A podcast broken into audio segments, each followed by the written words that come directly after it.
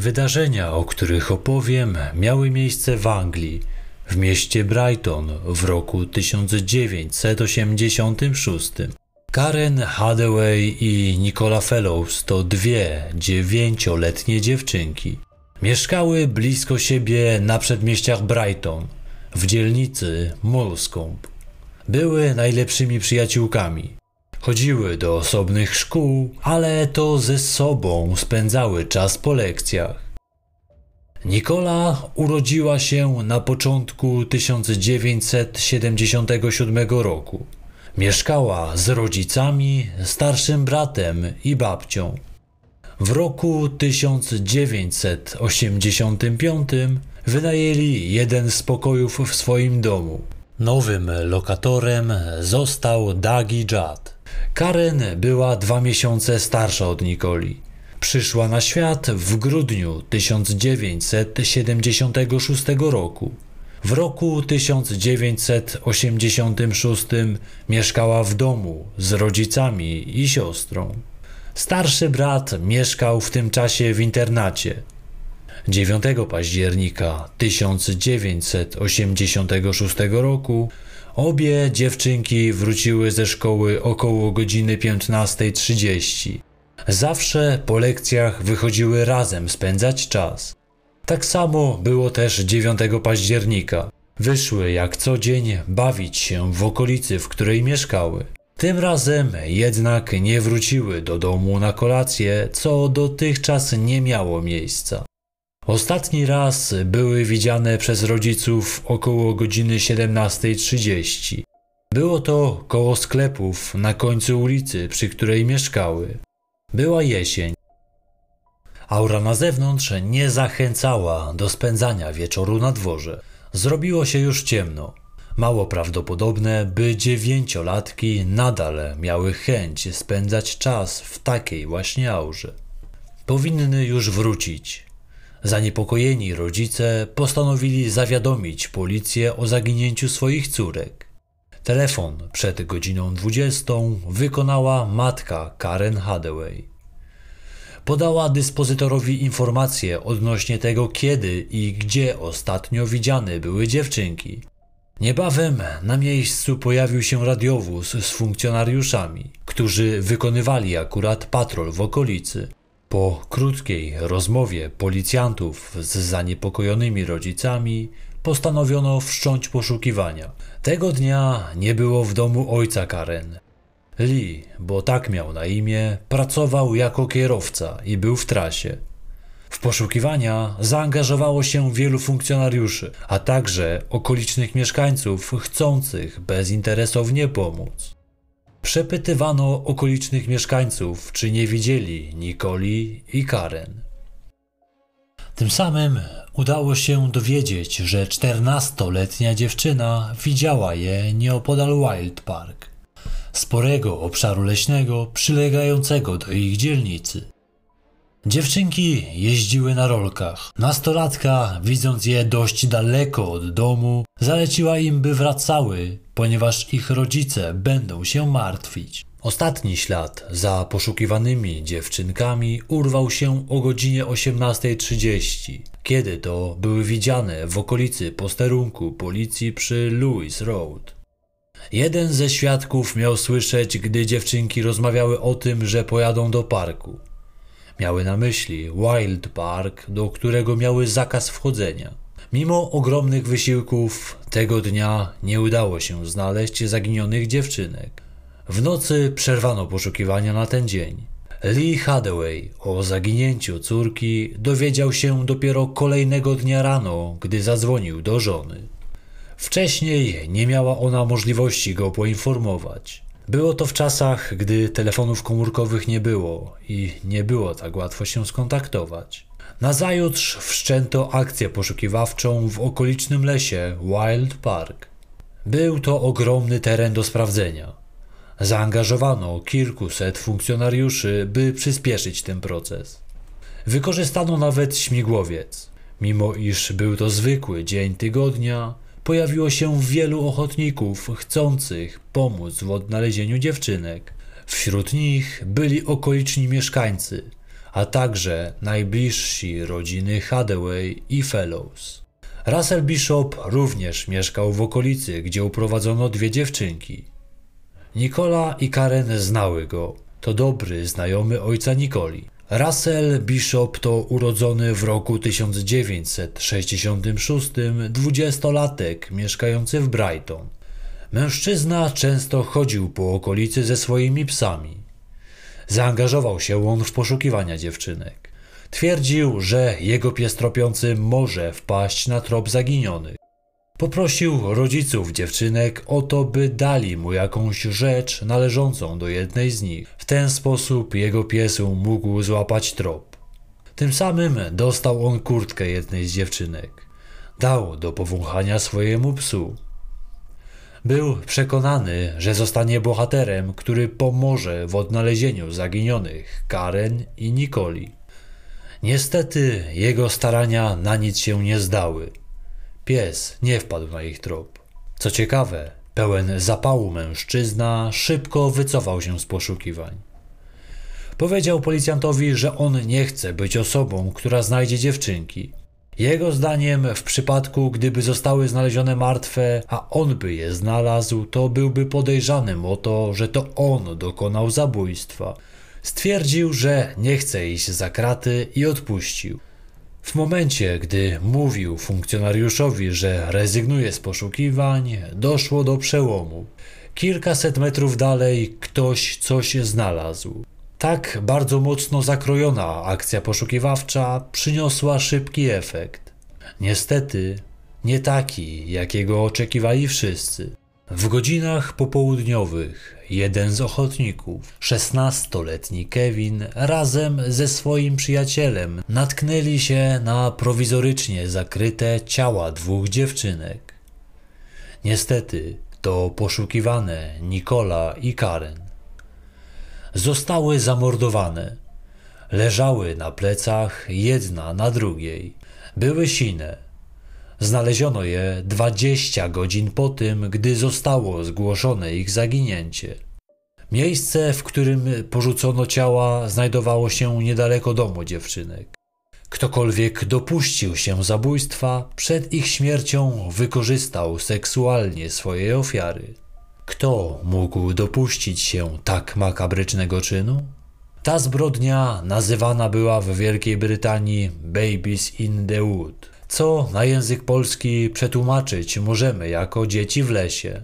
Określenie to ma odniesienie w kulturze angielskiej. W sztuce i w literaturze określa ono osoby nieświadomie wplątujące się w sytuację zagrażającą życiu. Późniejsza sekcja zwłok wykazała, że Nikola została wykorzystana seksualnie jeszcze za życia. Była najprawdopodobniej nieprzytomna ponieważ napastnik wcześniej ogłuszył ją, uderzając ją mocno w policzek. Później została uduszona, a zabójca dokonał też penetracji już po śmierci. Obie dziewczynki zginęły w wyniku uduszenia, najprawdopodobniej przy użyciu dłoni. Nie było śladów krępowania ciał. Lee Hathaway o śmierci córki dowiedział się w drodze do domu. Jako, że mężczyzna był daleko od domu, w momencie gdy wszczęto poszukiwania, policja zaproponowała mu podwózkę. Zupełnie przypadkiem w policyjnym radiu usłyszał komunikat na temat zaginionych dziewczynek. O zgrozo, początkowo podano błędną informację, że Karen i Nikola zostały odnalezione. Radość mężczyzny szybko przerwał poprawiony komunikat. Tym razem mówiący, że dziewczynki nie żyją. Policja miała niełatwe zadanie. Najczęściej sprawców należy szukać wśród bliskich. W takim przypadku dość szybko udaje się ustalić, kto mógł być zabójcą.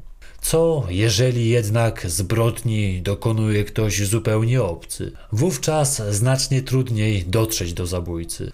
Krąg podejrzanych trzeba bardzo rozszerzyć, co generuje ogrom pracy śledczych. W tym przypadku założono, że zabójca musiał dobrze znać okolice. Miejsce, w którym znaleziono ciała dziewięciolatek, znane jest okolicznym mieszkańcom. Ktoś zupełnie spoza Brighton lub okolic mógłby mieć problem, by tam trafić. Śledczy założyli, że sprawca musiał bywać w tym miejscu wcześniej. Założyli też, że zabójca musiał być kimś, kogo dziewczynki znały.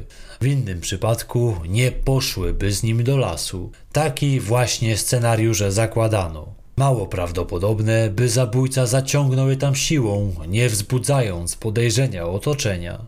To znacznie zawężało krąg osób, które były do sprawdzenia. Postanowiono przesłuchać wszystkie osoby, które 9 października były w godzinach późno popołudniowych i wieczornych w okolicy, gdzie dziewczynki widziano po raz ostatni. Łącznie przesłuchano ponad 10 tysięcy osób, które mogłyby w jakikolwiek sposób przyczynić się do odnalezienia zabójcy. Jedną z osób, które znajdowały się w kręgu podejrzanych, był wcześniej wspomniany Russell Bishop. Młody mężczyzna przybiegł na miejsce, w którym odnaleziono ciała, razem z zaalarmowanym policjantem. Później przez długi czas towarzyszył wydarzeniom bezpośrednio po odnalezieniu dziewczynek. Był bardzo zainteresowany przebiegiem śledztwa. Zwrócił tym uwagę śledczych. Należałoby przyjrzeć się nieco bliżej mocno zaangażowanemu w sprawę mężczyźnie. Russell Bishop to dwudziestolatek, który w okolicy ma niezbyt dobrą opinię. Jego rodzice to Roy i Sylwia. Miał czterech braci. Jego matka była znaną na arenie międzynarodowej trenerką psów. Wydała nawet własną książkę na ten temat. Ojciec był dekarzem.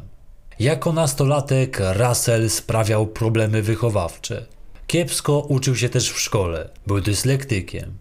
W wieku 15 lat został wysłany do szkoły specjalnej, oddalonej od jego domu o kilkadziesiąt kilometrów. Szybko uciekł stamtąd i wrócił autostopem do domu. W szkole zdecydowanie odstawał od rówieśników. Jego poziom inteligencji był poniżej przeciętnego. W czasie, gdy doszło do zbrodni, mieszkał on ze swoją ciężarną partnerką i ich synem. Nie było jednak tajemnicą, że nie był wiernym partnerem.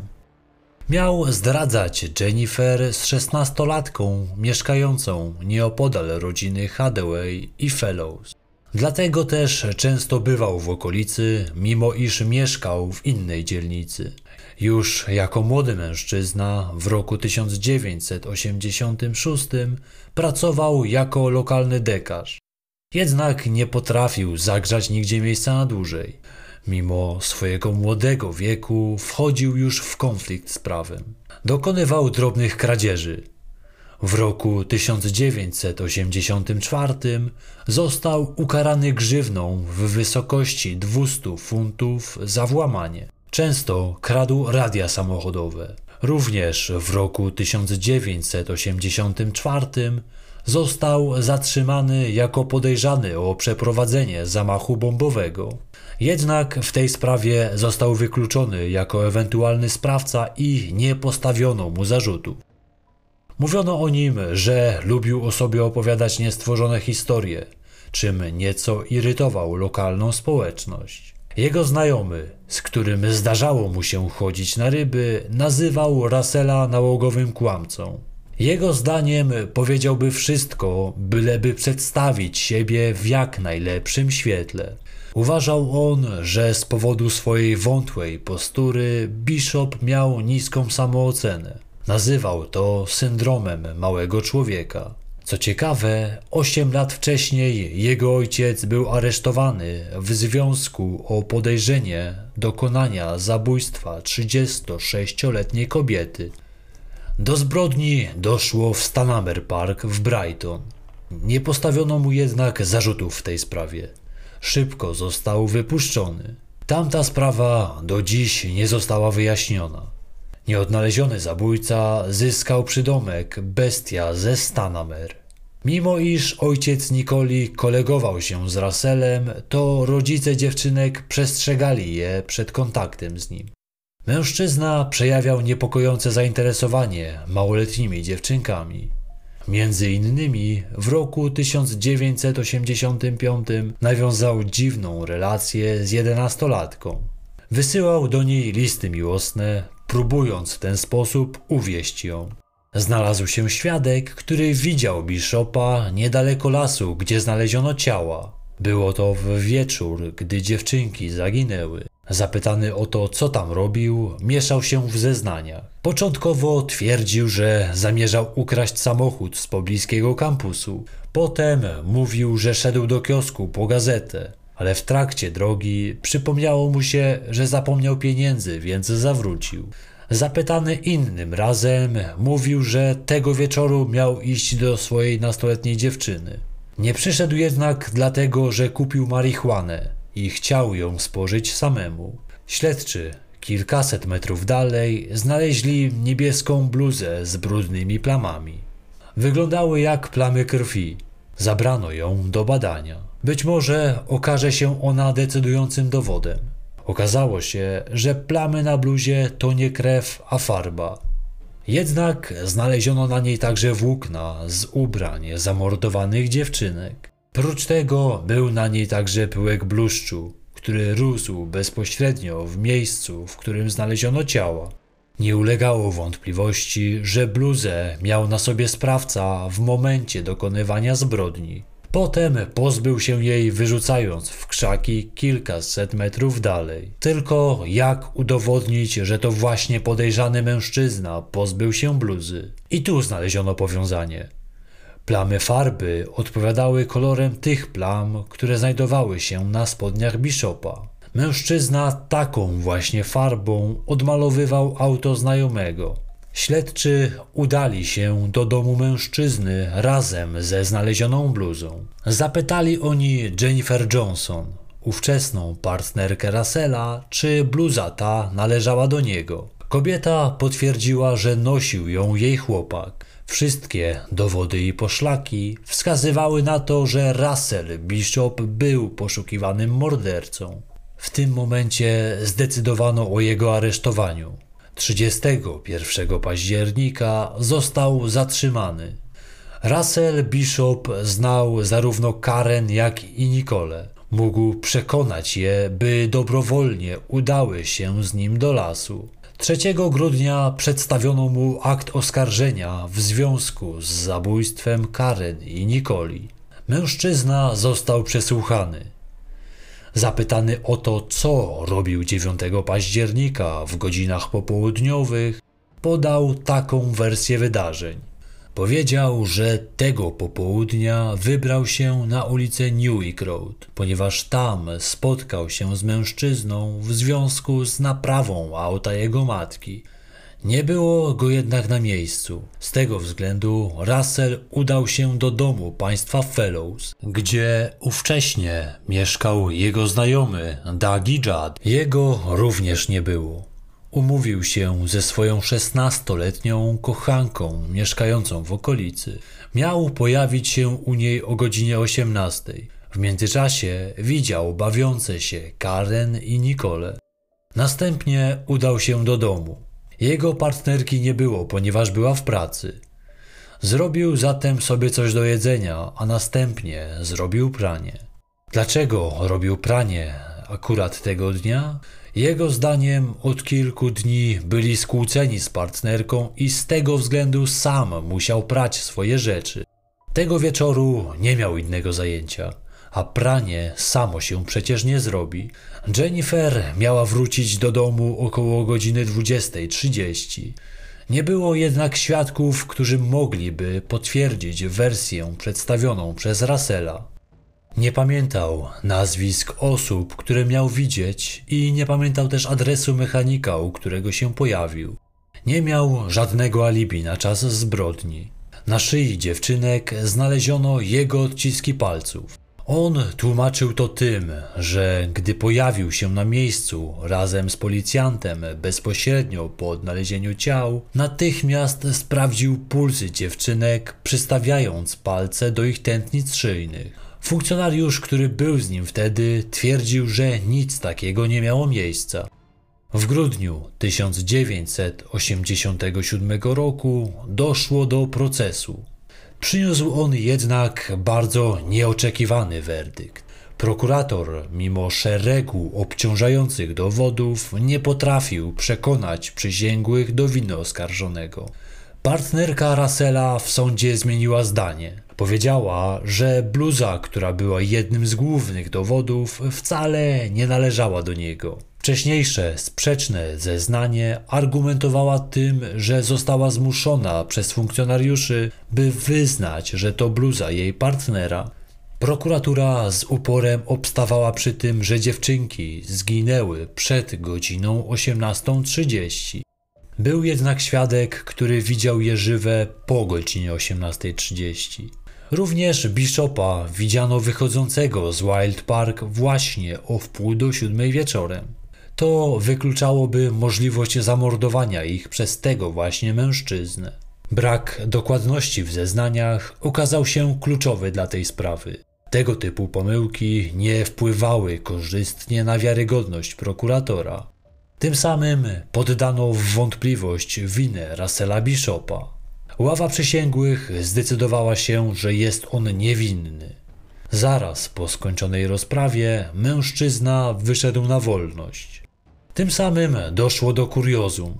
Organy ścigania były przekonane o winie mężczyzny. Wskazywały na to wszystkie dowody i zeznania świadków. Mimo wszystko, z powodów niedopatrzeń, jedyny podejrzany został uniewinniony. Co więcej, ówczesne prawo nie pozwalało osądzać go ponownie. Tym samym Russell Bishop był człowiekiem wolnym. Nie musiał obawiać się, że poniesie konsekwencje zabójstwa, którego najprawdopodobniej się dopuścił. Nie wszczęto ponownego dochodzenia w sprawie zabójstwa dwóch dziewczynek. Zresztą nie wiadomo, jak takie śledztwo miałoby wyglądać. Policja była przekonana, że prawdziwy morderca został już schwytany, a sąd wypuścił go na wolność. Kontrowersje, jakie wzbudził proces, sprawiły, że wokół samej postaci uniewinnionego mężczyzny zrobił się szum. Russell do czasu ogłoszenia wyroku raczej wolał unikać blasku fleszy. Jedna z propozycji przeprowadzenia z nim wywiadu była jednak na tyle atrakcyjna, że zdecydował się go udzielić. Otrzymał za rozmowę 15 tysięcy funtów. Przedstawiał w niej siebie jako ofiarę systemu i policjantów, którzy zmuszali go do przyznania się do winy. Został wrobiony, ale na szczęście udało mu się i dzięki ławie przysięgłych znów był wolnym człowiekiem. Tak jak przed wydarzeniami z 9 października 1986 roku. Russellowi spodobał się rozgłos wokół jego osoby. Stał się swego rodzaju celebrytą. Zrozpaczona brakiem sprawiedliwości, rodzina Karen i Nicoli zaczęła organizować manifestacje mające na celu wymuszenie ponownego wszczęcia śledztwa. Co ciekawe, sam Bishop również zaangażował się w tę sprawę. Mówił w wywiadach, że zależy mu na schwytaniu zabójcy i nalegał, by policja jeszcze raz pochyliła się nad zabójstwem dwóch dziewczynek. Sam chodził po domach, prosząc o podpisy pod petycjami o wszczęcie śledztwa. Sam siebie uważał za bohatera szukającego sprawiedliwości. Może zatem faktycznie mówił prawdę, a organy ścigania brnęły w wersję z jego winą, nie widząc innego rozwiązania sprawy?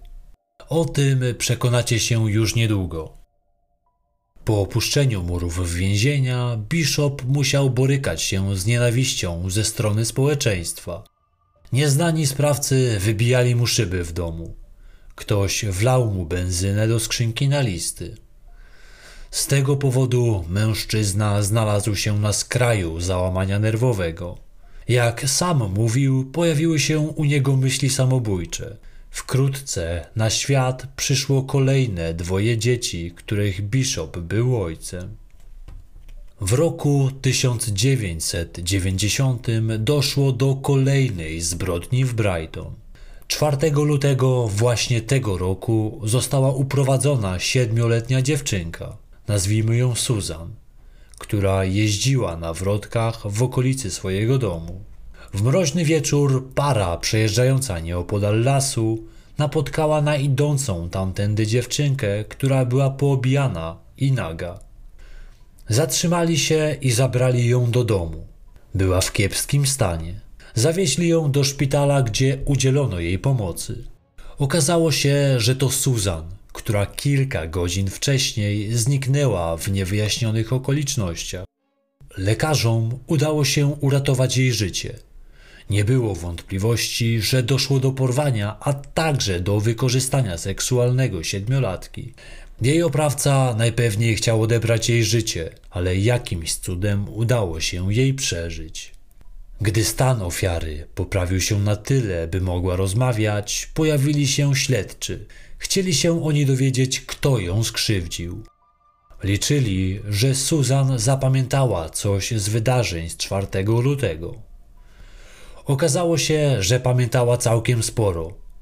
Zdała ona obszerną relację na temat okoliczności porwania, jak i samego porywacza.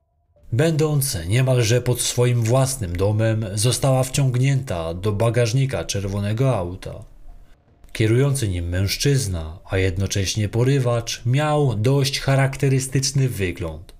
Susan zapamiętała, że był on młodszy od jej ojca, a pod nosem miał wąsy. Gdy była w bagażniku, znalazła w nim młotek.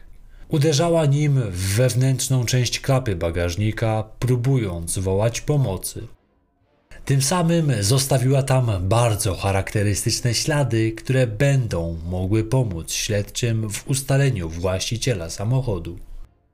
Jej oprawca powiedział jej, że jeżeli nie przestanie uderzać młotkiem, to on ją zabije. Przestraszona przestała. Zapamiętała też, że w bagażniku leżała butelka z preparatem WD-40. Gdy odjechali autem w ustronne miejsce, porywacz zatrzymał się. Wyciągnął dziewczynkę z bagażnika. Wrzucił ją na tylne siedzenie, a tam, uprzednio rozbierając, wykorzystał seksualnie. Gdy już się zadowolił, postanowił ją udusić. Gdy straciła przytomność, porzucił jej nagie ciało w krzakach w lesie. Nie wiedział, że nadal żyła. Oddalił się z miejsca zbrodni. Niedługo później dziewczynka odzyskała przytomność i natrafiła na przyjeżdżającą parę, która udzieliła jej pomocy. Po tym dość obszernym zeznaniu ofiary, śledczy próbowali ustalić, kto mógł być sprawcą tej zbrodni. W przypadku tego typu przestępstw zawsze sprawdza się notowanych pedofilów, którzy byli na wolności. Wśród nich wytypowano tych będących w posiadaniu czerwonych aut, a także pasujących wyglądem do opisu przedstawionego przez Susan. W ten sposób bardzo zawężono listę osób. Na samym jej szczycie znalazł się nikt inny jak znany nam Russell Bishop. Był on posiadaczem czerwonego samochodu Ford Crotina Według zeznań świadków był on widziany w okolicy domu Susan w dniu, gdy doszło do porwania. Nie przysłużyła mu się jego sława. Z racji, że często pojawiał się w mediach, był w okolicy dobrze znany. Tym samym łatwo było zapamiętać jego obecność w danym miejscu. Śledczy zdecydowali się pojechać do domu Bishopa. Skonfrontowali zebrany materiał dowodowy – na podjeździe stał jego czerwony Ford. Funkcjonariusze zajrzeli do środka. W bagażniku były wcześniej wspomniane przez Suzan przedmioty. Leżał tam młotek, a także WD-40. Klapa była uszkodzona od wewnątrz w taki sposób, jak opisała dziewczynka. Dokonano zatrzymania 23-letniego Russella Bishopa. Dowody i zeznania ofiary nie pozostawiały złudzeń. Był on sprawcą gwałtu i próby zabójstwa. Tym razem udało się zdobyć jeszcze więcej obciążających dowodów. Były nimi m.in. ślady opon pasujące do tych z auta Bishopa. Prócz tego śledczy znaleźli ubrania dziewczynki, które miała na sobie, gdy była przytrzymywana w bagażniku. Odpryski na nich pasowały do lakieru w samochodzie należącym do zatrzymanego mężczyzny. Zabezpieczono również ślady DNA na ubraniach dziewczynki, a także na miejscu zbrodni. Tym razem nie było żadnych wątpliwości, że udało się pojmać sprawcę. Po zatrzymaniu Bishopa, jego dziewczyna oskarżyła policję o aresztowanie niewinnego człowieka. Krzyczała, że winnym zabójstwa Karen i Nicoli był ojciec jednej z nich, a oni znów chcieli przypisać zbrodnię Russellowi, z którą nic nie miał wspólnego. Russell Bishop liczył, że jeszcze raz uda mu się wymknąć sprawiedliwości. Swojej szansy upatrywał w okazaniu. Miał nadzieję, że dziewczynka go nie rozpozna. Doszło zatem do okazania. Było to zaledwie trzy dni po napaści. Bishop specjalnie zmoczył swoje włosy, by wyglądać nieco inaczej. W trakcie okazania Susan zobaczyła dziesięciu siedzących koło siebie mężczyzn. Wśród nich miała wskazać swojego oprawcę. Bezbłędnie wskazała właśnie Bishopa. Powiedziała tylko, że miał nieco inny kolor włosów. I faktycznie było tak, ponieważ je zmoczył. Tym samym nie było już szansy, by wykpił się on od kolejnej zbrodni. Czekał go kolejny proces. Przyjęto linię obrony twierdzącą, że śledczy uwzięli się na oskarżonego. Zdaniem obrony dowody przeciw niemu zostały spreparowane. Adwokat twierdził, że śledczy sami zabrali samochód Bishopa i pojechali nim na miejsce zbrodni, by tam znalazły się jego ślady. W myśl teorii o wrobieniu funkcjonariusze mieli wyciągnąć ze śmietnika w mieszkaniu Bishopa prezerwatywę, by zdobyć jego DNA. Potem mieli podrzucić DNA na miejscu zbrodni i ubraniach. Sam oskarżony przypomniał, że wcześniej był niesłusznie oskarżany już dwukrotnie. Podobnie jak jego ojciec. Policja uwzięła się na ich rodzinę. Był bity i poniżany, byleby tylko przyznał się do winy. Tym razem sąd i ława przysięgłych nie uwierzyli w wersję przyjętą przez obronę. Mężczyzna usłyszał wyrok dożywotniego pozbawienia wolności. Zgodnie z wyrokiem sądu nie mógł się on ubiegać o wcześniejsze zwolnienie wcześniej niż po 14 latach odsiadki. Podczas ogłaszania wyroku Russell Bishop płakał, zdając sobie sprawę z nieuchronności swojego losu. Mężczyzna trafił za kraty, nadal jednak nie było możliwości skazania go za poprzednią zbrodnię, choć nikt nie miał wątpliwości, że to on był sprawcą. Gdy siedział za kratami, dziennikarz śledczy napisał do niego list. Zapytał wprost, czy to on zabił Nikolę i Karen. Russell nie odpowiedział na to pytanie. Napisał jednak list, w którym opisał, jak ciężko jest mu za kratami. Żalił się, że współwięźniowie wciąż rzucają w jego kierunku obelgi. Musiał oglądać się za siebie, gdyż wiedział, że współwięźniowie chcieli go skrzywdzić. Zdradził, że gdyby nie jego dzieci, on nie poradziłby sobie psychicznie. Ujrzał światło dzienne artykuł z jego wyznaniem. Opinia publiczna była oburzona. Morderca nie wyraził skruchy odnośnie napaści na Susan. Nie przyznał się też do zabójstwa dwóch dziewczynek. Zamiast tego ubolewał nad swoim losem, choć cała Wielka Brytania życzyła mu jak najgorzej. Po publikacji artykułu posypały się skargi do gazety o to, że próbowali wzbudzić współczucie względem mordercy. W roku 2005 doszło do zmiany prawa, które uniemożliwiało ponowny proces. Wówczas była już otwarta droga, by bezsprzecznie udowodnić mu zabójstwo z roku 1986. Wystarczyło, że śledczy wykażą dowody, które nie były przedstawione przy pierwszym procesie. Wykonano testy DNA na bluzie, która cały czas znajdowała się w magazynie z dowodami. Faktycznie, efekty testu były takie, jakich wszyscy się spodziewali. Był na niej ślad DNA Russella Bishopa. Pojawił się jednak inny problem. Z racji, iż minęło już niemalże 20 lat od zbrodni, nie można było wykluczyć, że w tym czasie ktoś przypadkiem nie przeniósł śladów Bishopa na ten sweter. Wtedy wcale nie musiał pozostawić go on osobiście.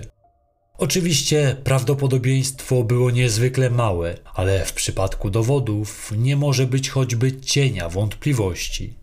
Zatem do procesu nie doszło.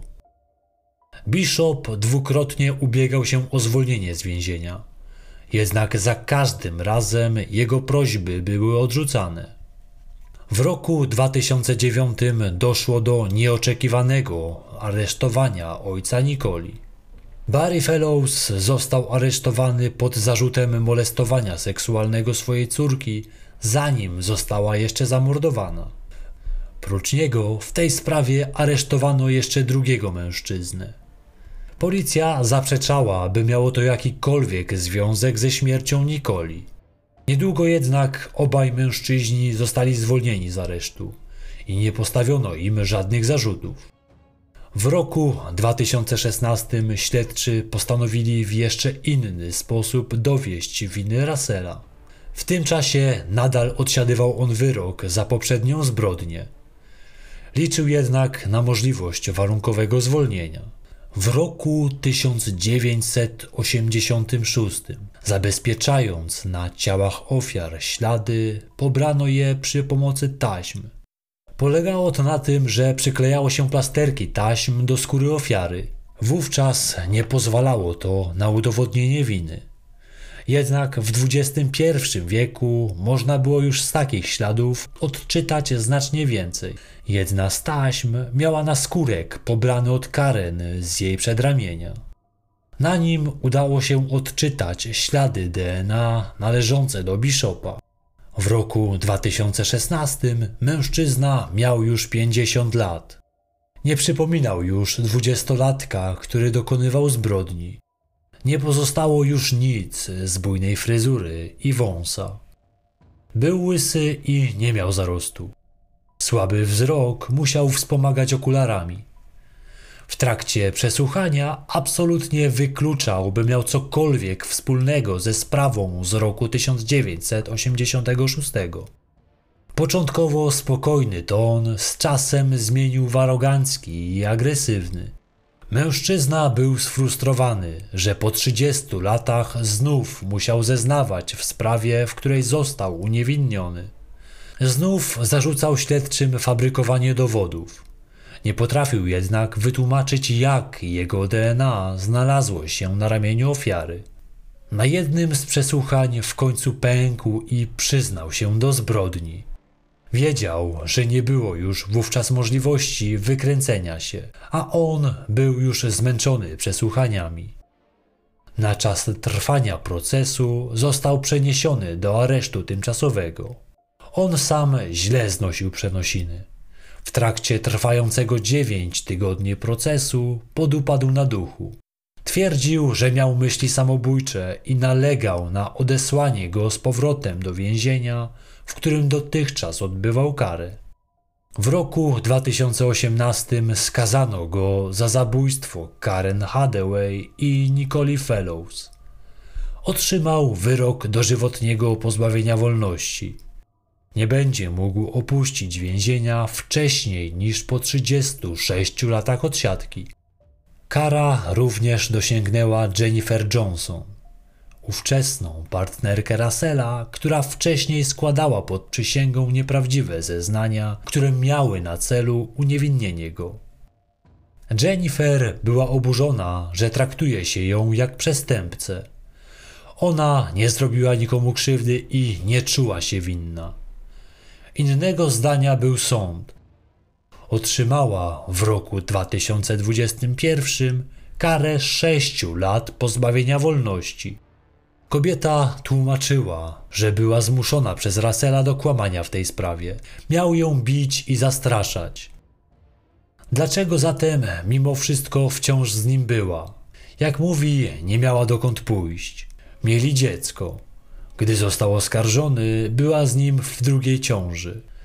Jennifer w swoich zeznaniach twierdziła, że policja była obojętna na przemoc, jakiej doznawała wówczas ze strony partnera. Rzekomo zadzwoniła kiedyś na numer alarmowy i gdy pojawili się policjanci, powiedzieli, że nic nie mogą zrobić, a to jest sprawa domowa.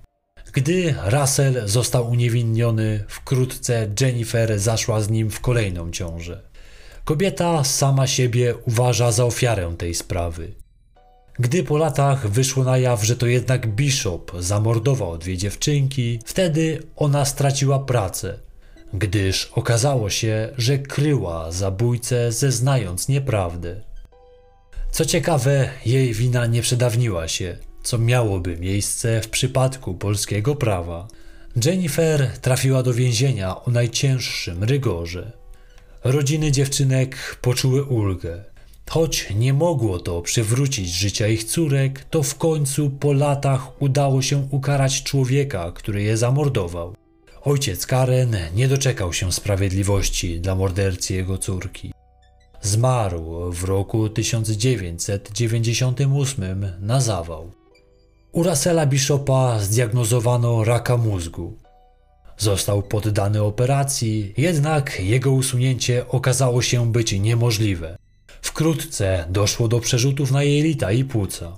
Po czterech latach od skazania w sprawie zabójstwa dwóch dziewczynek mężczyzna był w stanie umierającym. 20 stycznia 2022 roku miał problemy z oddychaniem. Został przewieziony do szpitala, gdzie już po kilku godzinach, około godziny 21, zmarł. Trzy tygodnie później skończyłby 56 lat. I to już wszystkie informacje, którymi chciałem się z Wami podzielić. To bardzo nietypowa historia. Wszyscy od początku wiedzieli, kto był zabójcą. Mimo wszystko nie udało się go skazać. Niestety efektem tego była kolejna ofiara, która jednak jakimś cudem przeżyła jego atak. Na szczęście dzisiejsza technologia pozwala na skazanie ludzi nawet po 30 latach.